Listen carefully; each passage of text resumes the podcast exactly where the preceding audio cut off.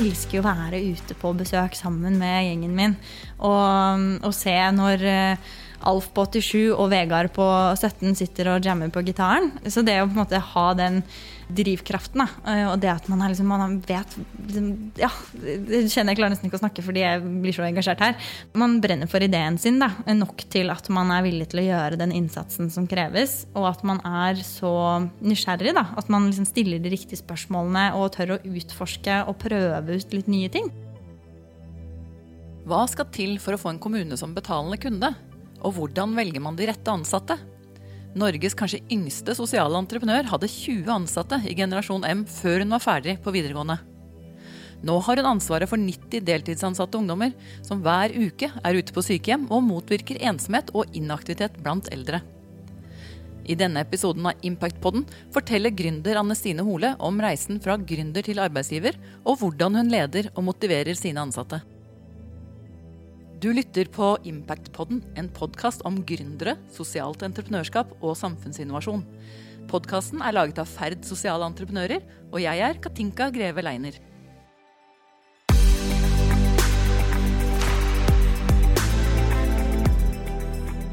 Velkommen til oss, Anne Stine Hole, sosial entreprenør og en av gründerne i Generasjon M.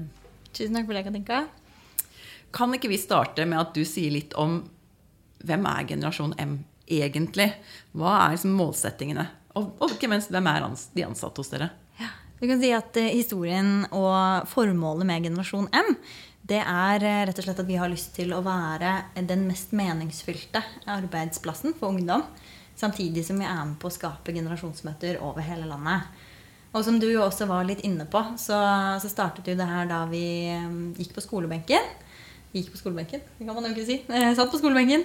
Eh, og hadde det som heter ungdomsbedrift i regi av Ungt Entreprenørskap. Hvor vi så at det var flere ting vi hadde lyst til å ta tak i.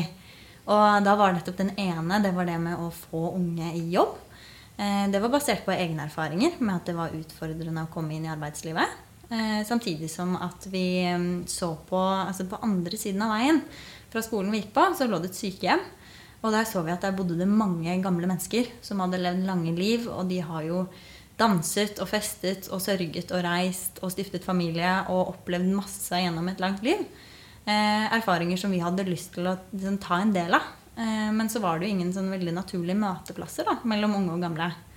Eh, så det var jo egentlig liksom bakteppet for at vi etablerte det som er Generasjon M i dag.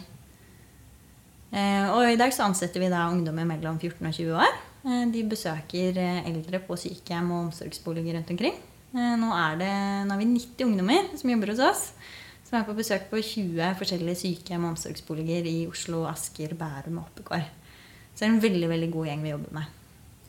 Og De er da så unge at de fortsatt går på skole, så dette her er type ettermiddagsjobb og helgejobb? det da?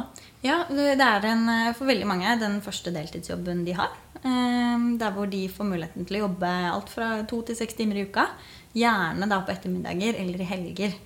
Eh, der hvor de er med på å utføre liksom ulike typer sosiale og hyggelige aktiviteter sammen med de som bor på sykehjem. Og hva er forretningsmodellen din inn i dette? Hvordan, eh, hvordan får du lønnet eh, disse si, elevene som da får jobb hos deg? Mm. Vi, det begynte jo med at vi var i dialog med sykehjem rundt omkring. Og så så vi det at de trakk fram at det var gjerne litt lavere bemanning i helgene. Eller at det kanskje ikke var de faste ansatte som var på jobb i helgene. da. Eh, kombinert med det ønsket om at man skal være med på å liksom, ha en aktiv og innholdsrik eh, hverdag for beboere på sykehjem. Eh, som var litt utfordrende å få til i helgene. da. Eh, så det begynte med det behovet der. Eh, og, så da begynte vi rett og slett å tilby besøk i helgene. Med sykehjem og omsorgsboliger som betalende kunder. Eh, hvor alt fra to til seks ungdommer kunne komme innom et par, eh, par timer i uka. Da. Så dere selger tjenester til sykehjem, rett og slett? Ja.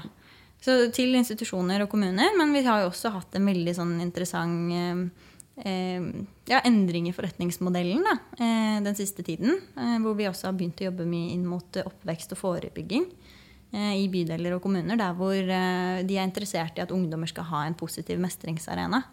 Så nå har vi også hatt samarbeid der vi rett og slett har, hatt, har tilbudt deltidsjobb da, til bydelene. Sånn at sånn de kan tilby det til sine ungdommer. Sånn at da er det andre som plukker dine ansatte igjen, da? Eh, ikke nødvendigvis, men det er jo i samarbeid med. ikke sant? Sånn at vi sørger for å få med oss den gjengen med ungdommer som, som kanskje har behov for jobb også. Mm.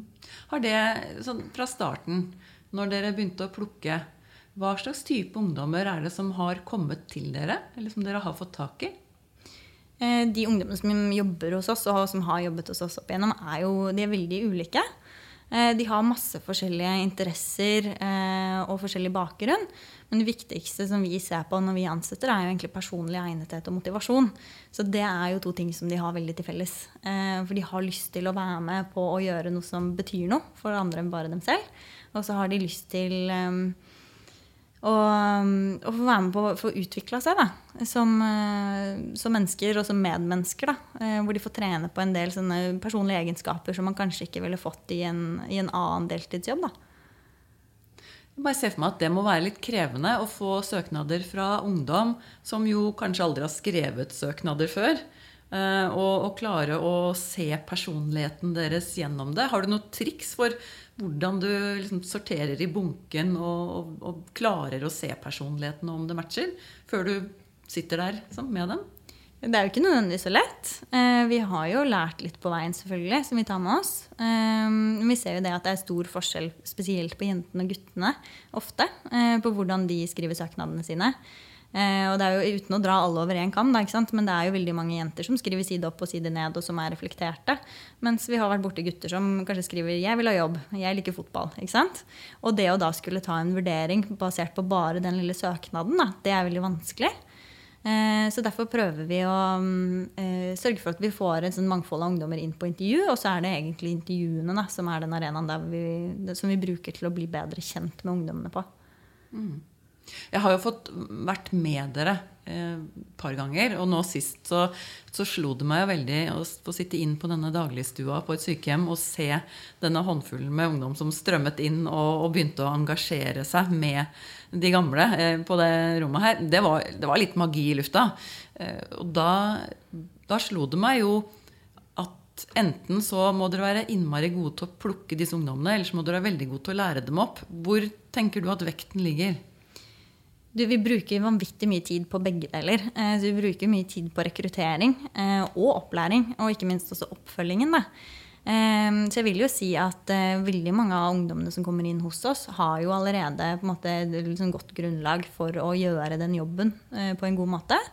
Eh, og så går det mye på opplæring. Vi har utviklet et, eh, et, faglig opplæringsprogram som alle ungdommene går gjennom før de begynner hos oss. Men så går det veldig mye på den praktiske erfaringen. Da. Når man kommer ut på besøk, og det å se og lære av hverandre. Um, og det å få muligheten til å utforske litt. Da.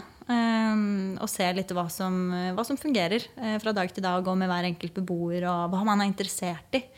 Så jeg tror det også er viktig at uh, vi legger til rette for at ungdommene som er hos oss, får bruke interessene sine, jobben sin. Mm. Uh, være seg de som tar med VR-briller inn på sykehjemmet, eller som uh, sitter og prater om sant, Rosenborg og Vålerenga, eller skolerevy. at man tar med de elementene fra hverdagen inn. Da, at man får muligheten til å liksom være seg selv. Nettopp at de også får Tross et eh, relativt kort liv, så kommer de allikevel med en spisskompetanse. Eller i hvert fall en interesse inn. Mm, absolutt. Jeg ser også for meg i sykehjemsomgivelsene at det er mange både ledere på sykehjemmet og ansatte som kan synes at det er litt skummelt å skulle åpne dørene for en haug med ungdommer. Eh, hvordan opplever dere det? Ehm, jeg har opplevd at de egentlig har vært veldig åpne og positive. Eh, fordi de ser verdien da, av at unge og eldre møtes. Eh, og at de også stoler på at vi leverer en tjeneste av høy kvalitet. Der hvor vi kan love at eh, sant, vi har rekruttert og vi har sørget for at ungdommene har opplæring, og vi har fulgt dem opp. Ehm, og ikke minst også at man har den kontinuiteten og forutsigbarheten da, som gjør at de er trygge på den tjenesten som vi leverer. Um, så det opplever jeg egentlig som noe som har vært veldig positivt hele veien. Mm. Ja, vi har jo hørt fra sykehjem som, som, nettopp har snakket pent om skal vi kalle det kvalitetssikringen deres. Um, og det vil jeg tro at de er ganske opptatt av i den type omgivelser. Mm. Eh, så vi er jo veldig opptatt av å ha dialog med, med, sykehjemmene, med pleierne som er på jobb. Sånn at når ungdommene våre kommer på besøk, så tar de gjerne en prat med, med de ansatte på sykehjemmene. Og hører litt sånn ja, Er det noen av, noen av, beboerne som kanskje har glede av en tur ut i dag? Eller noen som vi burde besøke på rommet? At man har den dialogen der. Eh, så har vi også vi har ukentlig kundeoppfølging. Da, eh, hvor eh, alle kundene våre får en liten sånn hyggelig stemningsrapport hver mandag. Med liksom hvem som har vært med på besøk, og hva man har gjort. Og da kan det være at Per og Pål og Lise var med på besøk, og så gikk man en tur ut i hagen og snakket om disse fine nye blomstene som begynner å spire og gro i hagen. Og hvordan man pleide å lage blomsterkranser av de når man var små, kanskje. Ehm, så det å få fram de historiene også, da, og det å kunne ha den dialogen der hvor man kommer med ærlige tilbakemeldinger hele veien, eh, det har jeg opplevd som veldig, veldig nyttig. Mm. Hvor mange M-venner har dere i dag? Du, nå er det, nesten 90 ungdommer som jobber hos oss i dag. Mm. Så det er en skikkelig, skikkelig fin gjeng. Hvis du kikker litt tilbake, når du startet opp, og du sier at da startet dere jo dette faktisk på skolen, i sånn skoleregi. Var det et eller annet sted på den veien der hvor, hvor, du begynte å kjenne på at du tok et arbeidsgiveransvar? Som at du kjente på at Oi, nå har jeg ansvar for noen andre mennesker. Når skjedde det? Ja, når skjedde det? Um, det er klart at vi um i starten så var vi liksom, vi ble jo bare så revet med. ikke sant? Og så var vi ute, vi jobba jo masse selv. Og så begynte vi, så jobbet, begynte vi å ansette andre, andre, som gikk på skole sammen med oss, eller naboskolen og sånne type ting. Um, og når du plutselig ikke sant, du er arbeidsgiver for uh, folk som er like gamle som deg, uh, da er det, det er liksom sånn interessant balanse hvor man på en måte skal man være venner og, og og når er man arbeidsgiver, ikke sant? og hvor går de grensene? Så det fikk vi utforska allerede helt fra starten. Eh, som går på liksom lederansvar, og som går på det å være arbeidsgiver. Ja, for veldig mange gründere opplever jo at den første tiden når du er si opptil fem stykker, så har eh, du veldig god dialog. Det er lett å være åpen, alle vet alt som foregår. Og så kommer du straks over på bare syv ansatte, så er det der plutselig vanskelig et, på et eller annet tidspunkt så slutter dialogen litt å gå. Hvordan håndterte dere det når dere da plutselig ble flere? Ja, så før vi visste ordet av det, så var vi jo vi var 20 før vi var ferdig på videregående. ikke sant? Eh, så kommunikasjon er jo, det er jo utfordrende. Eh, og er det fremdeles, for all del. Eh, jeg tror ikke nødvendigvis vi har liksom knukket den koden. Fordi nå er vi, vi er jo 90 ungdommer, og jeg personlig har jo ikke muligheten til å være i kontakt med alle like ofte som det jeg var før. Så jeg er helt avhengig av å ha god dialog med lederne mine, da, som, er, som, er, med på besøk, og som er tett på. Eh, og det å sørge for at man har de faste møtepunktene, og det at man er tydelig på, på å kommunisere hva man skal jobbe med eh, framover. og det å gi hverandre tilbakemeldinger. Det er, det er, utfordrende når man må jobbe med så mange ungdommer som er ansatt på deltid. ikke sant? Som jobber noen timer i uka. Mm. Eh, og som beveger seg på så mange forskjellige kanaler. ikke sant? Eh, der vi pleide å kunne treffe alle på Facebook før. Det er jo ikke nødvendigvis det som gjelder i dag lenger. ikke sant? Så da må dere legge om og bytte systemer? Ja, det, det gjør vi. Mm. Um, så nå er det, det er kjempestor forskjell på liksom, intern kommunikasjon, som er kjempeviktig, og ting som er liksom, nice to know. Um, så ja, det, det, er en utfordring. Det er det, altså. Å nå ut til så mange med samme budskap. Men er det mobilen som er kanalen deres ut til disse ansatte, eller hvordan, tar du den, hvordan foregår kommunikasjonen? Mye, mye, foregår på Messenger, faktisk. Eh, spesielt de, de liksom uformelle tingene eh, som kan foregå på sånne kanaler. Eh, det gjør det. Og på telefon og sånn. Og så sørger vi for å ha noen sånne faste møtepunkter hvor vi har teamsamlinger og sånn, da, for ting som er, eh, som er av større betydning. Ja, for når du jobber med mennesker, så er det jo fort litt sånn sårbart at du ikke skal dele ting som ikke skal komme på avveie, og en del sånne hensyn å ta. Ja, så det personvernhensynet det er vi veldig bevisste på. da. Som du sørger på hva som, hva som går i hvilke kanaler til enhver mm. tid. Mm. Hva vil du si er trikset ditt nå for å rekruttere de rette ungdommene? Mm. Eh, som jeg var litt inne på, da, så, så, går det på personlig enighet og motivasjon. Det går på den der gnisten. For det handler jo ikke nødvendigvis om hva man har gjort tidligere. Eh, fordi når man er 14-15 år, så er det kanskje første møte med arbeidslivet. Um, så istedenfor å se på hva, man, hva, slags erfaring man har, så handler det mer om hva man har lyst til å utrette hos oss. da. Og det engasjementet. Og det ser vi jo egentlig veldig fort når vi møter folk. Um, så, så, går det jo på det å, um, at vi også har et ansvar for å sørge for å få med de som kanskje normalt sett ville hatt utfordringer med å komme inn i arbeidslivet ellers. da. Men blir det sånn, i og med at dere har det offentlige som kunde, at dere da får tak i et sykehjem, og så får du tak i ungdommene? Eller blir det omvendt, at du har ungdommen, og så leter du etter hvor de skal jobbe hen?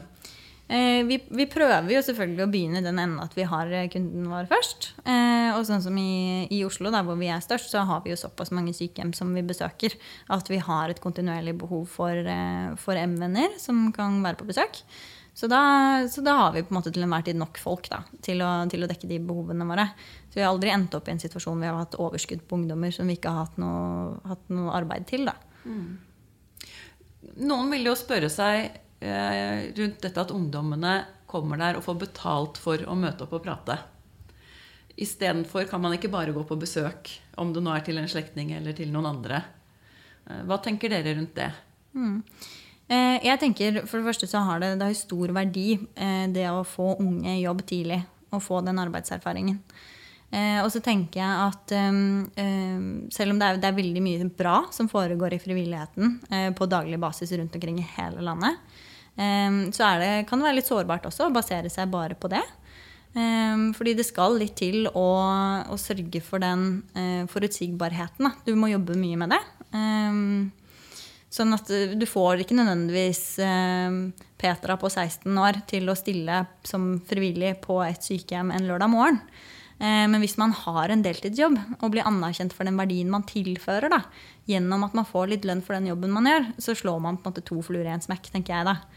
Um, fordi det er jo tid, det er jo en begrenset ressurs for, uh, for, alle i dag. Og spesielt også for ungdommene, som er uh, skoleelever, og de driver med fotball og fiolin, og kanskje er de til og med politisk aktive. ikke sant? Så hvis man da i tillegg skal være frivillig og ha en deltidsjobb, så vil jo det ene gå på bekostning av det andre. Så her tenker jeg at vi har funnet en løsning som gjør at man slår to fluer i en smekk. da. Mm. Og de ungdommene du da rekrutterer, opplever du at mange av de ønsker seg til omsorgsyrker? Og at det er derfor de kontakter dere, eller hva er deres motivasjon? Det kan være litt begge deler. Noen har jo tenkt å gjøre andre ting eh, hele tiden. ikke sant? Og så er det noen som er litt nysgjerrig på det. Som kanskje har valgt seg inn mot eh, helsefag allerede på skolen. Eh, og så er det de som kanskje får seg en liten åpenbaring når de begynner hos oss.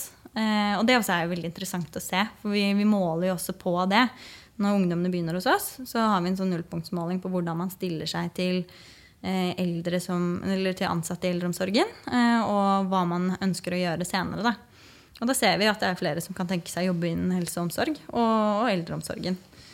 Så vi eh, jobber bevisst med det, fordi vi vet at det er et enormt behov for å rekruttere flere Vi trenger flere varme hender inn i den sektoren framover.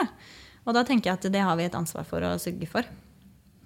Jeg må jo si at Fra det besøket jeg fikk være med på, så så jeg absolutt ungdom der som uh, stortrivdes i rollen som Hva skal man si Underholdningsagenter, nesten, noen av dem. men også samtalepartnere. Det var veldig fascinerende å se den Det var ikke snakk om at det var én part i den samtalen. Jeg så jo ungdom som var vel så engasjert i å høre på fortellingen fra de gamle som de gamle var på å høre fra ungdommen. Det var veldig fascinerende. Ja, jeg tenker Det er viktig at vi legger til rette for at man kan være gjensidige altså ressurser for hverandre. Da.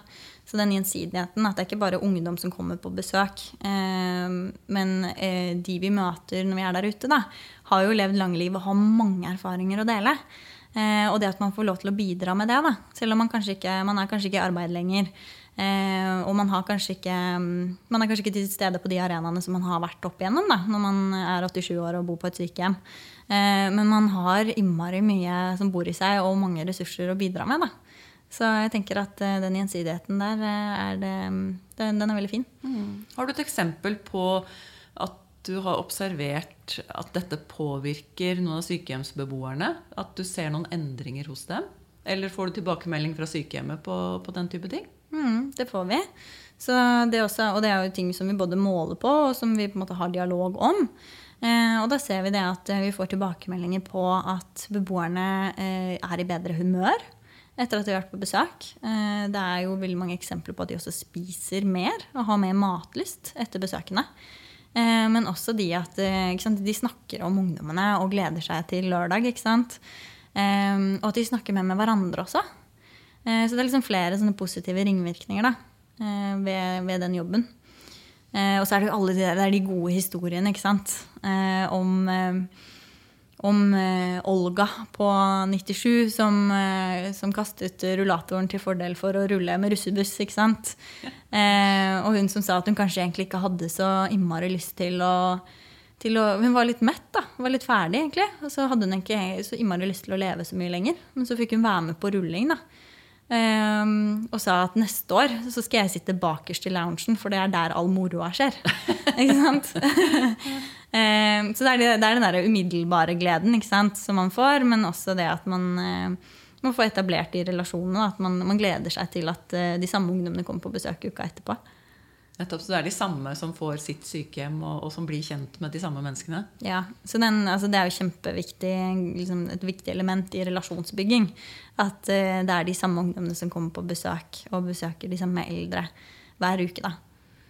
Men hva skjer med de ungdommene, da? Det, ser du at de endrer seg? Du snakket om dette med interesse for omsorgsfagene, men, men på et annet og mer personlig plan. Hva, hva skjer med dem? Eller skjer det noe? Eh, det er jo flere som føler på at uh, hverdagen får, sant, oppleves mer meningsfylt. Eh, og at man sant, får flere venner og har venner på jobb. Eh, og at man blir tryggere på seg selv. Eh, så det er flere eksempler på at ungdommene forteller at de syns det kanskje var litt utfordrende å skulle ha en eh, presentasjon på skolen.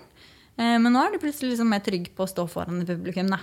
Eller at det blir litt lettere å ta kontakt med han mannen som har alle de bæreposene på bussen, eh, og spørre om han trenger hjelp til noe. Um, så det går på en måte mye på både personlig plan og hvordan man samhandler med andre. Da. At man får trent seg litt på det. Hvis du da bygger trygghet i disse ungdommene, kan du oppleve at de plutselig ender med å bli litt mer krevende ansatte òg? Hmm, det er et veldig godt spørsmål, egentlig. Um, jeg vil ikke si at vi har så mange krevende ansatte, men jeg vil si at vi har mange ansatte som er flinke på å gi tilbakemelding på hva som er viktig for dem. Og det tenker jeg er utelukkende positivt. Da. Eh, sånn at vi også kan legge til rette for å, eh, å ha en arbeidsplass som eh, ja, Der hvor vi tar hensyn og legger til rette for at de kan utvikle seg på de tingene de har lyst til å jobbe med. Da. Hvis det kan være svar på spørsmålet ditt. Ja, absolutt. Ja. Så det er kjempeinteressant. Ja. Det er, men um, for jeg er litt ute etter å høre også den arbeidsgiverrollen for en ganske spesiell gruppe ansatte, på et vis som dette blir. Eh, deltidsansatte, rett og slett. Eh, hva, hvis du skulle liksom si det videre til de der ute også, hva er, hva er vanskelig med en sånn type arbeidsgiverrolle? Nå har du, du har kanskje ikke opplevd nærmest å ha fulltidsansatte, så sammenligning er kanskje vanskelig. Men, men hva er krevende med å ha 90 deltidsansatte rundt deg? Det var jo litt det som vi var inne på i stad. Det går mye på kommunikasjon. Og det at jeg også personlig har, har et ønske om å jobbe med, eh, med, alle ungdommene. Så det at vi plutselig eh, har gått fra f.eks. der hvor jeg var med på å holde alle intervjuene selv, til å ha en egen rekrutteringsansvarlig. Eh, det å liksom ikke sitte på, på den prosessen lenger da, har vært en veldig nyttig læring for meg. Og det var vel da jeg også innså at liksom, shit, nå begynner vi å bli skikkelig store. ikke sant? Fordi nå har, vi, nå har vi nettopp ansatt 15 personer som jeg egentlig ikke kjenner så godt. ikke sant? Um, så, så, det har vært uh, skikkelig utfordrende. fordi før så kunne jeg, da visste jeg jo på en måte hvem som hadde norsktentamen på torsdag, og hva kjæresten het. ikke sant? Um, men, uh, men, nå er det jo Nå er den relasjonen helt annerledes. ikke sant? Men du sa at du har ledere, så hvordan har du da mm. valgt å organisere det? Mm. Altså, vi har jo, sant, som jeg var inne på, vi, vi, vi, er på besøk på i overkant av 20 ulike steder. Eh, og så har vi da én eh, leder på hvert sted. Og det er jo gjerne de som har vist at de eh, tar ansvar. Eh, de er engasjerte og liksom viser lederegenskaper. da. Eh, så da får, de ekstra, da får, de en ekstra mulighet. Da, eh, hvor de kan jobbe litt mer, og de kan være med på å lede ungdommene. Og det er jo de som også er med på å rekruttere, og de er med på opplæringen. Og det er jo de som til syvende og sist gjør mye av oppfølgingsarbeidet også. Mm. Så det har vært skikkelig fint å få på plass de besøkslederne, da, som vi kaller dem. Det høres ut som dere har funnet en veldig sånn vinn-vinn-modell, i hvert fall i forhold til den sosiale effekten som du beskriver. Men kjenner du på at det er enkelt å selge dette inn til kommunene og til sykehjemmene? Eh, det er klart, Jeg skal ikke si at det er liksom utelukkende Det er jo ikke lett å jobbe med salg. Um, og ikke inn mot uh, det offentlige heller nødvendigvis. Um, fordi sant, Vi startet jo når vi var 17 år gamle. Og vi ante jo ikke hvordan kommunene var organisert, eller eh, hvordan eh, man jobber med anskaffelser og sånne type ting. Så det har vært veldig mye læring i det. Eh, men vi har snudd litt på hodet og spurt liksom, hva slags behov har dere, da, eh, så har det vært en veldig sånn, fin innfallsvinkel, og det har vi lært mye av. Når jeg hører beskrivelsen din av aktiviteten dere gjør på sykehjemmene, så kjenner jeg jo at dette her må være en vinn-vinn, både for ungdomsgruppa og for eldregruppa. Men opplever du at sykehjemmene tar dere inn og, og vil ha tjenesten? Absolutt. Vi opplever jo at uh, de er veldig positivt innstilt til generasjon M uh, og den verdien vi tilfører. Uh, og så er det klart at det er en del beslutninger de som kunder kan ta selv. Og så er det en del som er nødt til å forankres høyere opp. Da. så vi har lært veldig mye av hvordan de beslutningsprosessene foregår. Sånn at vi kan på en måte forstå hva slags behov kunden vår har, og hva som skal til for å få, få gjennomført. Da. Eh, sånn at man, eh, man, får en betalende kunde. For det er du avhengig av. Du må jo betale lønn til disse her ungdommene. Mm, og som alle andre altså, sosiale entreprenører så går det jo på at man har en dobbel bunnlinje hvor vi skaper de sosiale resultatene. Eh, men det får vi jo ikke til uten å ha den økonomiske bunnlinjen i tillegg. Ehm, så jo flere eh, betalende kunder vi har, jo større sosial effekt kan vi skape. Da kan vi få enda flere unge i jobb, og vi kan skape enda flere generasjonsmøter med enda flere eh, eldre eh, som er i meningsfylt aktivitet. Da. Og fremover nå, da? Har du tro på flere kommuner, flere ungdommer? Hva er planene deres? Ja, nå, altså, nå, har vi brukt mye tid på hele den sånn, kvalitetssikringsprosessen. Og sant, rutiner og retningslinjer, og det ligger så utrolig mye læring i bunnen. Eh, så nå mener vi at vi, nå har vi bygget en modell som vi er klare for å spre. Eh, og er klare til å gå inn i dialog med nye kommuner, sånn at vi kan skape sosial effekt flere steder. Da. Hvem i kommunen er det du da tar kontakt med? Eh, nå prøver vi å jobbe parallelt, fordi vi ser at eh, det, vi skaper en verdi for ungdommene og for eldre, eh, som er liksom våre primære hovedmålgrupper. Da. Eh, sånn at når vi nå går inn i nye kommuner, så er det å få på plass den som er ansvarlig for helse og omsorg, eh, institusjoner gjerne, og, og, de som er ansvarlig for oppvekst og forebygging i kommunen. I tillegg til gjerne rådmannen, som er den som sitter på pengesekken. Um, og, her får du faktisk siloene til å samarbeide, du. Ja, vi prøver liksom å bryte de ned og, og, få folk til å jobbe litt på tvers. Da. Og opplever jo også at det er de jo utrolig innstilt eh, på. Det er bare ikke nødvendigvis så lett å få det til i praksis. Um, så det at man har den tilnærmingen, gjør jo at man um, kanskje får utfordra uh, kommunene litt. Og, og man får lært veldig mye da, om hva slags behov de har, sånn at vi best kan rigge løsningen vår for å imøtekomme de.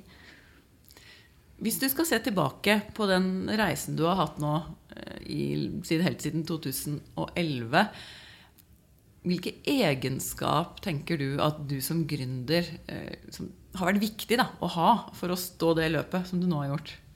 Eh, jeg tror at jeg, og som mange andre gründere jeg også kjenner, så er det den nysgjerrigheten eh, og stå-på-viljen. Eh, og at man virkelig liksom, Vi brenner jo for det vi driver med her. Jeg elsker jo å være ute på besøk sammen med gjengen min og, og se når eh, Alf på 87 og Vegard på 17 sitter og jammer på gitaren. Eh, så det å på en måte ha den eh, drivkraften. Da. Eh, og det at man, liksom, man vet liksom, Ja, det kjenner jeg klarer nesten ikke å snakke fordi jeg blir så engasjert her. Men eh, at man, eh, man, brenner for ideen sin da, nok til at man er villig til å gjøre den innsatsen som kreves. Og at man er så nysgjerrig. Da, at man liksom stiller de riktige spørsmålene og tør å utforske og prøve ut litt nye ting.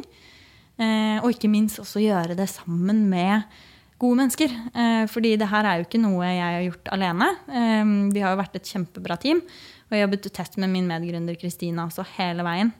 Um, så det å ha liksom, mennesker rundt en som kan utfordre en, og som man kan spare med, det har vært innmari viktig.